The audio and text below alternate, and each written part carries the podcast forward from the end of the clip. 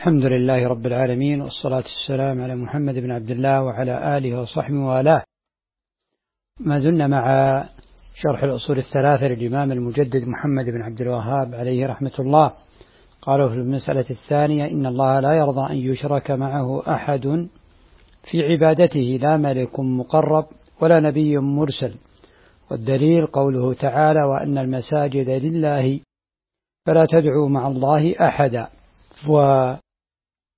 وأيضا قال الله عز وجل ومن يدعو مع الله إلها آخر لا برهان له لا برهان له به فإنما حسابه عند ربه إنه لا يفلح لا يفلح الكافرون.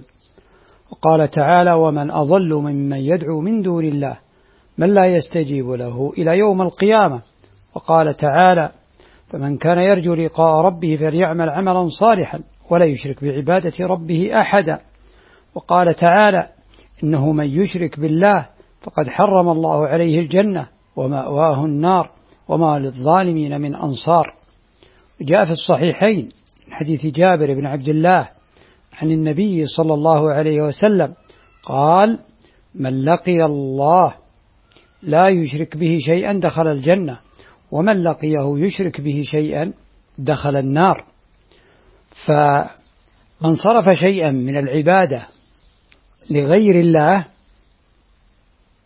فقد نقض التوحيد وقد نقض الأمر الذي خلق من أجله لأن الله عز وجل قال وما خلقت الجن والإنس إلا ليعبدون فمن عبد غير الله انصرف شيئا من العبادات لغير الله فلا يصرف شيئا من العبادات.